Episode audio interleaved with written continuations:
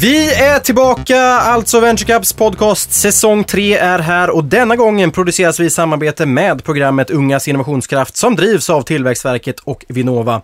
Och idag så har vi Thomas Arctadius här. Jag har kallat dig Bootstrap-expert. Vad kallar du dig själv? Nå, jag vet inte det där med expert och expert. Entreprenör tycker vi är ganska liksom, passande beskrivning i alla fall. Sen kan man ju fundera på vad entreprenör är, men det är en annan historia. Men du, bootstrapping, vad är det egentligen? Alltså, bootstrapping är på sätt och vis ett krångligt och lite fånigt namn på en ganska enkel och självklar sak. Och det handlar egentligen om att kunna starta upp ett bolag och använda så lite pengar som möjligt. Hur kan man vara smart när man startar och komma igång och få igång sin verksamhet utan att ha tillgång till massa externt kapital. Och sen har det byggts en liten vad ska vi säga, teori eller tänk kring hur man gör det och så har det paketerats under namnet bootstrapping som är ett lite fånigt engelskt ord som används på svenska. Då, men det har liksom blivit ett begrepp som, som, som är rätt välkänt idag. Ja, det blir vanligare och vanligare känns det som. Absolut. Eh, jag tror det, det är både för att det kanske är mindre och mindre riskkapital tillgängligt eller svårare och svårare att få tag på pengar. Men också för att man har sett att det faktiskt är ett bra sätt att starta upp ett bolag på. Att det inte alltid är så att riskkapital in i ett bolag eller mycket finansiering gör att man lyckas. Utan det är andra saker som gör att man lyckas. Och till det kommer det här att jobba med bootstrapping. Att förstå sin ekonomi, förstå pengar in och ut. Ja, för rubriken är då bootstrapping och andra, andra alternativa finansieringsformer egentligen. Ska vi börja, hur ska man hur, hur, kan man applicera bootstrapping egentligen? Om man står där att man, om man ska starta sitt bolag, hur ska man tänka? Jag tror att det, som, det man inte får fastna i, det är att tänka sig att för att jag ska kunna lyckas förverkliga den här idén och den drömmen vi har, så måste vi få in massa kapital. Oj, vi ska köpa saker och vi ska anställa folk och vi ska bygga. Det kommer kosta flera hundratusen kronor. Så det första vi måste göra är att försöka hitta de pengarna. Tänker man så, så gör man det onödigt svårt för sig och jag tror att det är inte det är inte ett jättebra sätt att tänka på. Utan det är mycket, mycket bättre att, att tänka hur kan vi komma igång med vår verksamhet med så lite pengar som möjligt. Det är liksom det som är ingången. Starta verksamheten utan att behöva massa pengar. Så det är egentligen en, en mentalitet kan man säga? Det är väldigt mycket en mentalitet, väldigt mycket ett sätt att vara på. Och igen, inte så himla konstigt. Ibland när jag förklarar så säger jag, men, ja, men det är ju bara att vara lite snål. Liksom. Och egentligen kanske det är det, att, att även om man har startat ett bolag och kanske fått in lite pengar om att aktiekapital på 50 000 kronor så betyder inte det att man har 50 000 kronor att bränna på massa fina möbler eller dyra datorer utan även precis som man i vanliga fall kanske tänker efter på hur man använder sina pengar. Så att, eh, precis, egentligen att vara lite smål, att tänka på ett lite annat sätt när man startar. Så finns det liksom lite knep och så när man, när man startar bolag kring, kring hur man kan använda olika metoder för att få pengarna att räcka längre. Men, men funkar det här då på alla bolag? Det känns ju som att vissa bolag faktiskt kräver en viss personalstyrka, kräver mycket kapital. Absolut. Jag, Eller? Jag, tror, ja, men, ja, men, ja, men så är det. Det är klart att bolag kräver olika mycket pengar. Liksom. Ett, ska du ta fram ett nytt läkemedel eller ha en jätte high-tech idé så kommer du behöva mycket, mycket mer pengar än om du ska utveckla ett nytt tjänstebolag. Men grundtänket är nog detsamma egentligen att få in mycket pengar till en, en, produkt eller en teknik som kräver mycket pengar tar väldigt mycket tid. Och ibland är det kanske bättre att lägga den tiden på att prata med kunder och att jobba ett litet annat perspektiv för att hitta alternativa intäktskällor än finansieringskällor. Så att, visst behöver man olika mycket pengar, men tänket funkar nog nästan alltid. Då, då är man ju väldigt nyfiken nu, Thomas. Hur, hur gör man och hur ska man tänka? Jag tror att ett, ett, ett, en, en ingångssätt är att från början vara väldigt ärlig och öppen med att man är ett startup, att man är nystartade. Många gånger så vill man gärna klä sig lite större kläder när man börjar, för man vill inte verka så här ny och löjlig och nystartad och inte ha så mycket. Och då måste man liksom sätta upp en yta av att man är någonting annat än man är och det kostar ofta om man kan inte vara riktigt ärlig. Så att jag brukar säga att det handlar om att börja med att erkänna att man är nystartad. För om man är nystartad och erkänner det så kan man också be om saker som man inte kan göra som ett etablerat företag gör. Vad då för saker till exempel? Ja, men nu ska jag köpa den här saken utav dig sådär, och jag är nystartat bolag, nu behöver jag köpa här. Och då kanske jag inte har några pengar till det. Är jag nystartad så kan jag säga det, du vi har precis startat, skulle jag kunna få betala dig, inte nu direkt idag, utan kanske om en månad eller om man är riktigt fräck kanske om tre månader. Eller för de riktigt våghalsade, jag kanske kan betala dig om ett halvår istället för att vi ska komma igång med det här och vi kommer bli framgångsrika och dela sin story med den som ska vara med och sälja någonting till en. Så att genom att erkänna det så kan man liksom be och fråga och försöka hitta lösningar som gör att man kommer billigare undan. Att betala sent är en sån sak. Det omvända gäller ju också att mot kunder säga, men betala inte mig om 30 dagar eller någonting sånt där. Jag behöver pengarna nu. Du kanske kan betala mig redan på måndag. Det kanske inte spelar någon roll för dig, men för mig gör det väldigt stor skillnad. Men det känns ju som att, att det, här också, det här kräver också en, en eh, kanske en, en, ett leverantörsled som, som accepterar detta.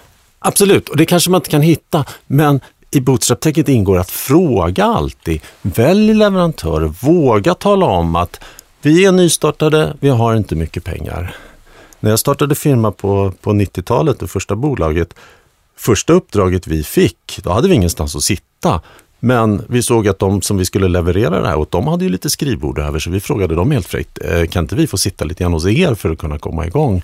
Vilket vi fick och så byggde man från det. Så det handlar lite liksom om att vara lite om sig och kring sig och våga fråga om sådana där saker. Kan man inte få det? Kan jag inte få låna det? Kan jag inte få betala senare? Lite, lite fräckt bill. nästan. Lite fräckt, ja. så, men det är ju inte fräckt utan det är ju att bjuda in de som är runt omkring en och bygga och få vara med på den entreprenörskapsresan. Och många är mycket, mycket mer intresserade av det än man kanske tror. Va? För att folk tycker det är kul med entreprenörskap, folk tycker det är kul att säga att man har varit del av att bygga upp någonting nytt.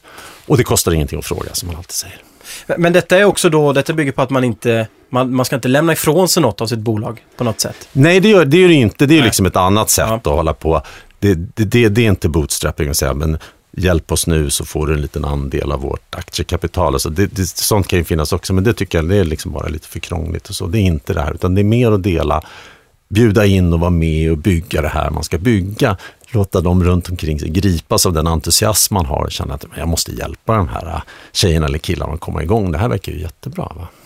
Det innebär ju att man tar lite större risk kanske, eller mindre risk som entreprenör med mer risk hos, hos sina... Ja, och det ja. kanske man inte alltid kan få, det får man ju förstå. Men, men min erfarenhet är ändå att man, man oftare än vad man tror kan man få hjälp. Sen måste man vara väldigt, väldigt specifik om man behöver hjälp. Behöver man kontorsplats så får man fråga om man kan få ett, låna ett skrivbord några dagar i veckan hos er och inte sådär i största allmänhet. Ja, det vore kul att göra någonting ihop eller skulle ni kunna hjälpa oss på något sätt? Utan det jag har lärt mig är att man ska vara väldigt, väldigt specifik om det man frågar om.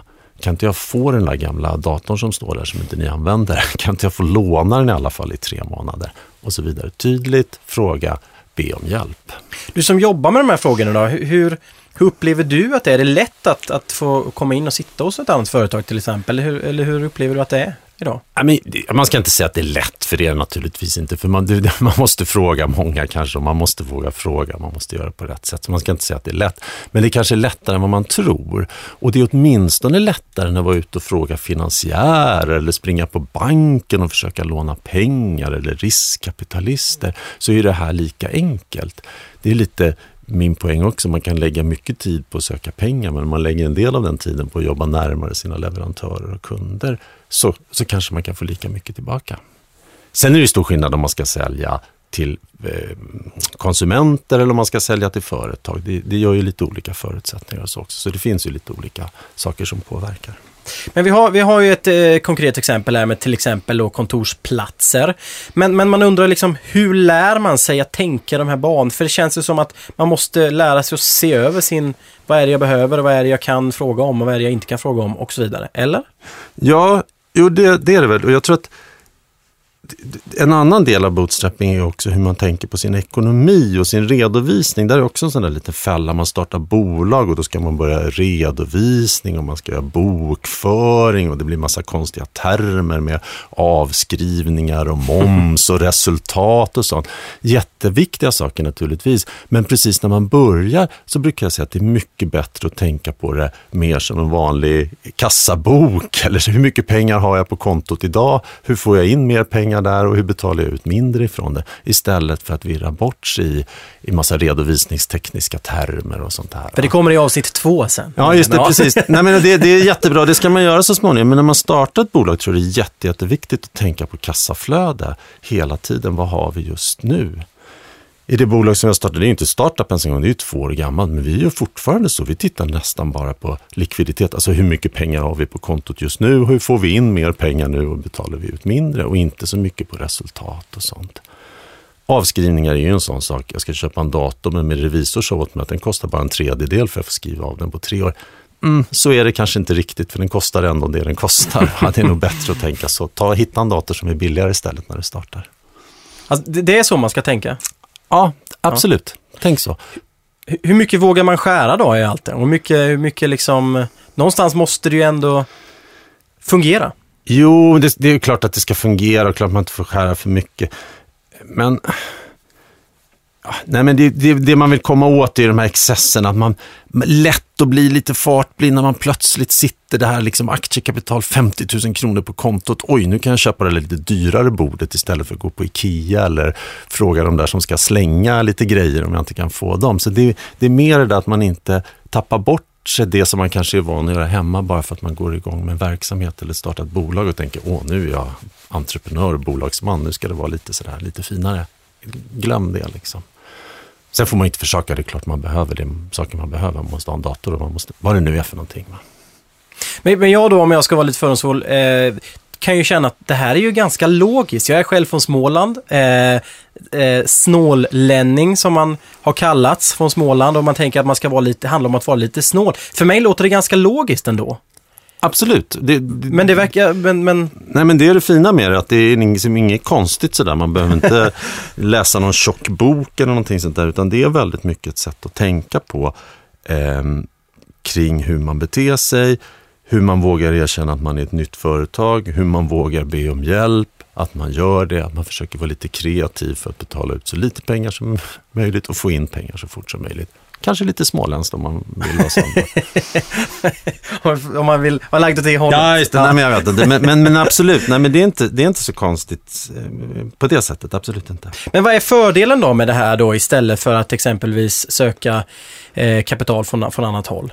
Nej, men jag tror fördelen med det här, för, förutom då att inte betala ut så mycket, det handlar ju också om att jobba nära sina kunder, att få in pengar fort. Liksom, att så fort som möjligt få någon kund som vill betala någonting till det. Och det är ju väldigt bra när man är entreprenör, att komma i clinch med dina kunder, att få träffa kunderna. Man brukar ibland i bootstrapping-sammanhang prata om något som heter strategin Don't stick with your strategy. Alltså att vara väldigt, väldigt flexibel när man börjar. Låt det kunderna vill köpa utav det, sälj det till dem istället för att ja, men det här är vår produkt eller tjänst. Utan vill de ha någonting annat så sälj det till kunden för att få en relation med kunden och för att höra vad kunden behöver. Jag tänker vi, vi leker lite grann med tanken. Vi målar upp ett scenario. Jag ska starta ett företag. Eh, det kan vara vilket företag som helst. Men vill, vad, vad, tycker du då att jag ska börja titta på? Vad, vad, är det liksom, hur ska, jag börja, hur ska jag börja tänka i den här processen när man står i, det här, i den här fasen? Du ska tänka, det blir ju liksom alltid lite svårt för vi ska täcka ett jättestort område nu från någon som ska sälja, sälja glass på torget till att starta ett nytt högteknologibord. Men, men om vi ändå lite överseende med att det blir lite generaliserande för många, så ska du ju tänka, vem är kunden? Liksom? Var, var, har jag mina kunder någonstans? Och så ska du se till att träffa de kunderna jättesnabbt och försöka förstå, kan de betala någonting till dig så att du kan få in några pengar till, till dig? Och när du vet det så ska du fundera på, men vad behöver jag nu köpa och skaffa mig för att kunna leverera det här som jag ska göra till kunderna. Så du säljer först och levererar sen? Precis, ja. och du gör det mot en kund, du får en relation till kunden, du förstår vad den där kunden vill ha. Du är öppen med att du är nystartad, du ber om hjälp i det läget när du är nystartad. Eh, köpa in billigt, sälja lite dyrare, få betalt på en gång. Allt det där vi pratade om. Erkänna att du är liksom nystartad. Och gör av med så lite pengar som möjligt. Liksom, köp inte dyra grejer. Är det bra att ha en anställning under tiden? Är det, ingår det i det här begreppet på något sätt? Ja, både och. Både och kan man säga. För det där är ju lite det är ju lite lurigt då, för att, att, att om man är anställd någon annanstans så är det ofta svårt med fokus. Men det kan ju vara ett sätt att få in pengar till det hela. Det är kanske bättre i sådana fall tror jag att, att inom det här nystartade bolaget göra saker som kanske inte ligger precis i kärnidén men som ändå kan ge pengar in. Va?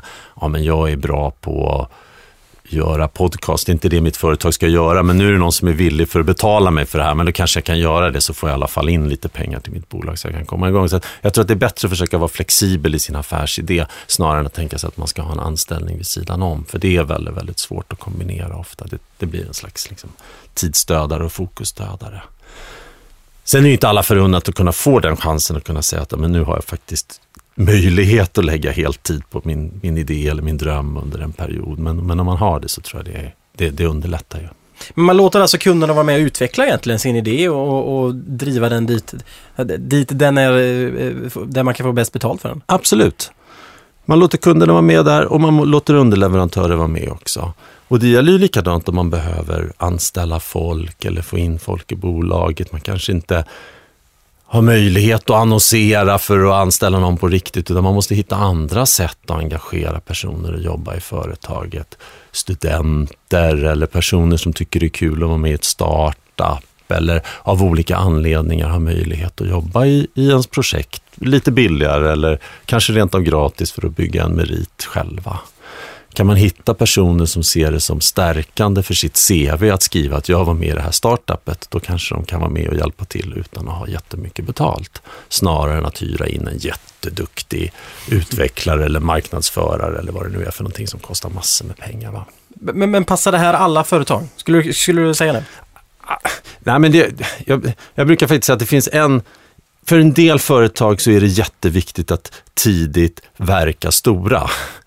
Eh, Klarna är ju ett sånt där exempel. Om man hör deras story om hur de började så var det ju för dem extremt viktiga som skulle ge sig in på en kreditmarknad att verka som ett jätteseriöst och så stort bolag från dag ett. Och då kanske man inte kan gå runt och säga hej, vi är startups, kan du inte hjälpa oss på lite olika sätt? Så det finns kanske bolag eller fall där det faktiskt är viktigt att verka lite stort. Men jag tror för de allra flesta så är det eh, väldigt, eh, liksom ett bra sätt att tänka på och vara på finns det, finns, det naturligt, finns det naturliga steg i det här som man kan ta?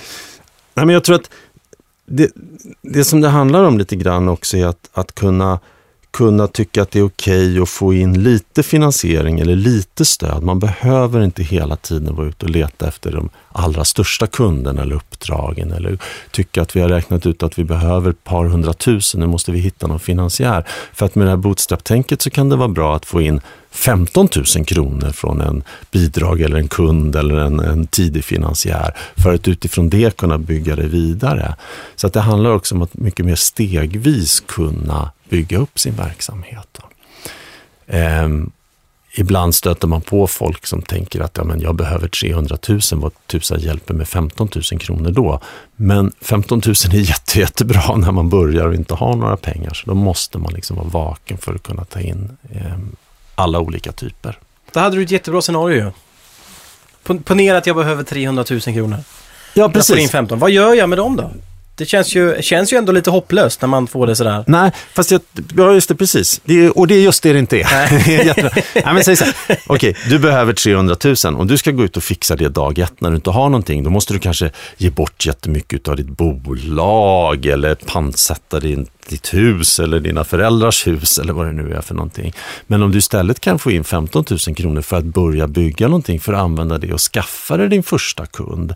Så när du har en kund eller en prototyp framme eller vad det nu är för någonting, första designen framme, då kanske det är lättare att gå till nästa finansiär och nästa kund och säga, titta här, jag har faktiskt redan fått in 15 000 kronor i finansiering, så de trodde uppenbarligen på mig och nu har jag lyckats ta fram min första lilla prototypexempel här. Nu skulle ni kunna sätta in 50 000 000 kronor i mig i alla fall. Så att varje sånt här litet steg blir ju liksom också en kvalitetssäkring att ha gjort någonting. Och de som ska vara med och finansiera det eller låna ut pengar, om du kommer dag ett och säger jag behöver massor med pengar, jag har bara en idé, så är det naturligtvis mycket, mycket svårare än att komma, ja men jag har fått 15 000 kronor här och sen stoppade de in 50 000 kronor och så fick jag en kund här. Varje sånt litet steg bygger ju trovärdighet i din idé, men också i dig som entreprenör. Ja men jag har faktiskt levererat. Titta, jag fick in lite pengar och jag lyckades leverera det här till en kund och så fick jag in lite pengar. Så den här stegvisa uppbyggnaden av företaget bevisar både din idé och det bevisar dig som entreprenör. Och då blir det liksom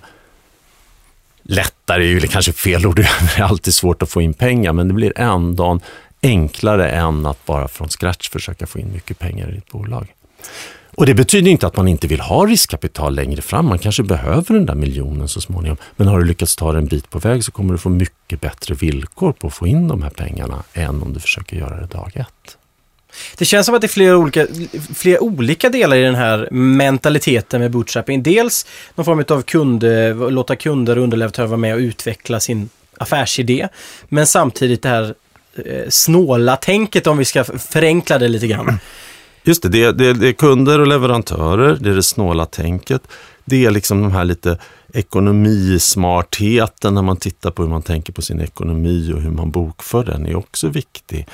Eh, och där finns det också knep, jag så favoritknep, så när man börjar betala ut löner så är man liksom van att göra det den 25 eller 28 i månaden. Och det är ju jättebra av massa olika anledningar. Men grejen är att om du betalar ut lön den 25 i månaden, då måste du betala in skatt och sociala avgifter den 12 i månaden därpå. Alltså bara 15 dagar senare. Om du betalar ut lön den första i månaden istället, då behöver du inte betala in de skatterna och sociala avgifterna för den 12 i månaden därpå. Så då får du en och en halv månad på dig innan du behöver betala ut det istället för 12 eller 15 dagar. Så sådana här små grejer som man kan göra kan göra rätt stor skillnad och försöka betala senare. Jag vet, jag har någon form av halvfot in i filmbranschen och där talar man väldigt mycket om letter of intent. Eh, och det är ju någon form av att eh, ni får så här mycket pengar om ni kan få lika mycket pengar om någon annan. Är det också en typ av bootstrapping? Absolut, det, det, det, det är ett jättebra sätt också att göra det på. att Okej, okay, du kanske inte kan få den här kunden att köpa det dag ett, men de kanske kan skriva på ett papper eller ett letter när ni har tagit fram den här produkten med de här specifikationerna, ja då kommer vi köpa en eller tio sådana till det här priset. Med det i handen så har du ju mycket, mycket mer än bara säga att ja, det finns massa kunder som är intresserade. Så det är också en del i det hela, att bygga det på det sättet. Med det kan du gå tillbaka till leverantören och säga, kan jag nu få köpa de här grejerna eller få de här grejerna gratis av er, för sen kommer jag kunna sälja till den här kunden och titta nu har jag ett lättare av intent. Så man bygger liksom en kedja där allting sitter ihop och där man själv liksom är smart i mitten för att maximera det här. Då har jag alltså ägnat mig lite grann åt bootstrapping i min tidigare år här. Tidigare karriären innan, innan min vänskap-karriär.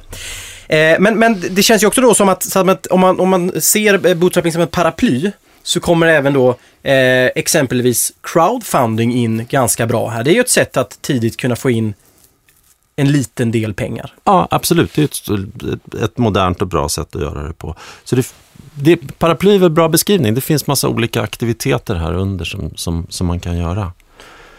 Ska vi dra också lite grann, vad är crowdfunding?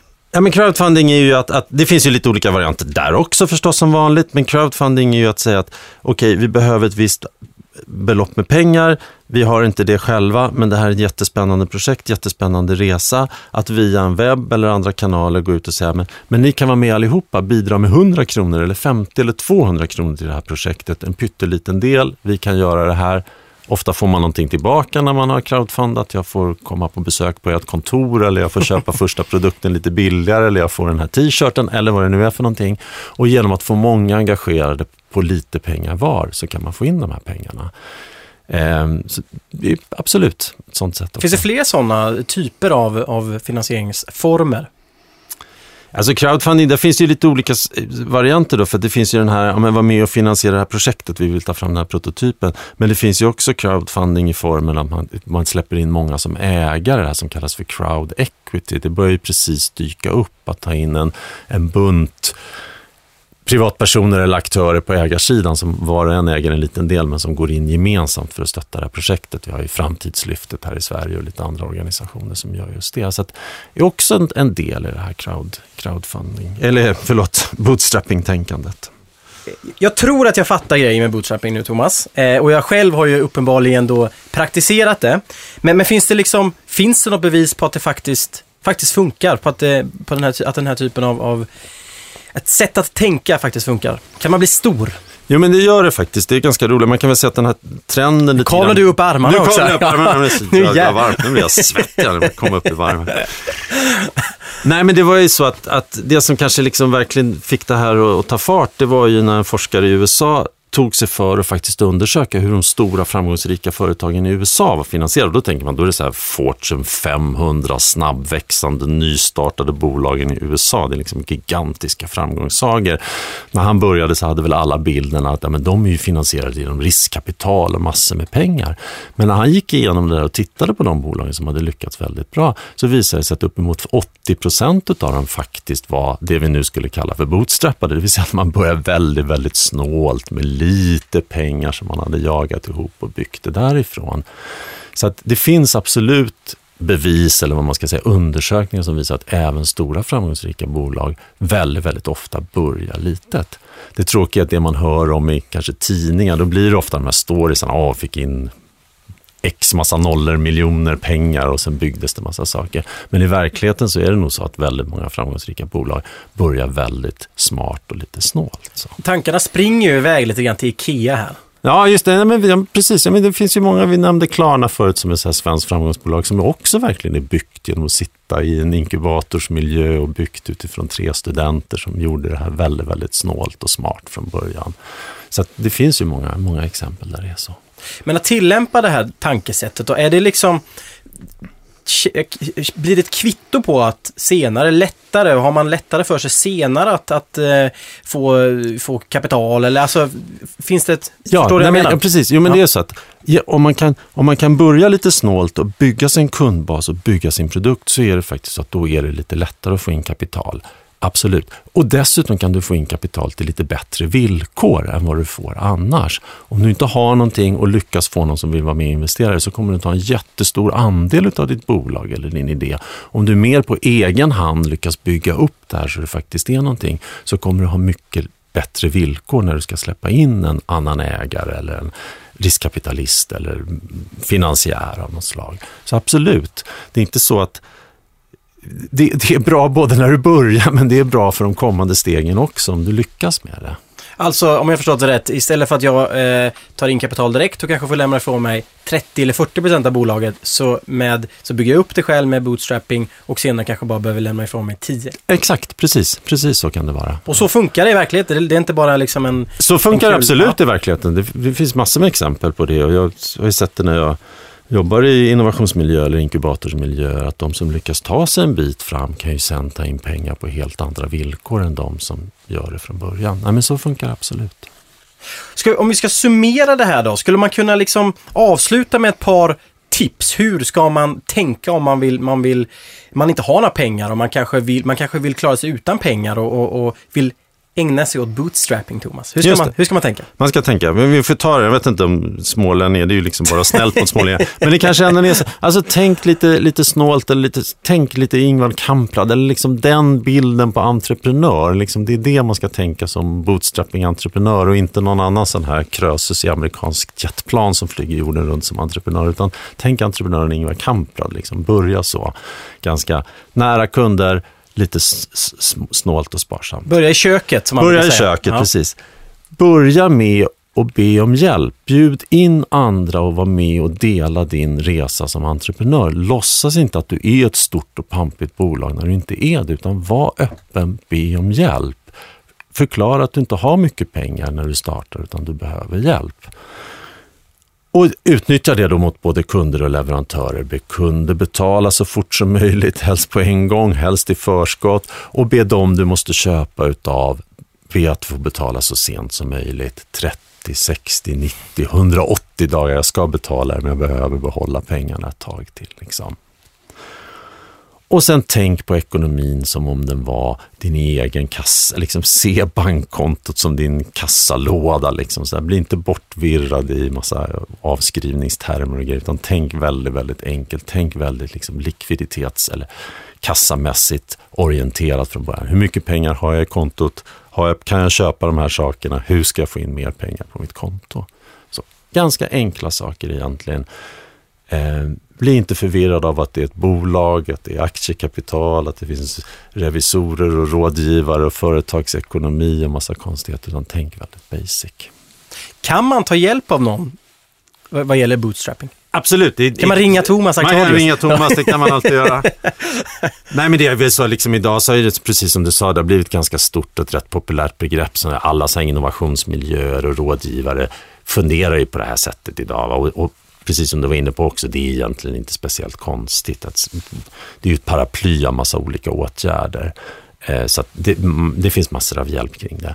Det kopplar ju också ganska mycket till det här med hela lean startup-rörelsen. Liksom börja lite smartare, lite snålare, gör kunderna vill ha istället för att sitta och utveckla länge och dyrt och sen sälja någonting. Så det är många trender som sammanfaller.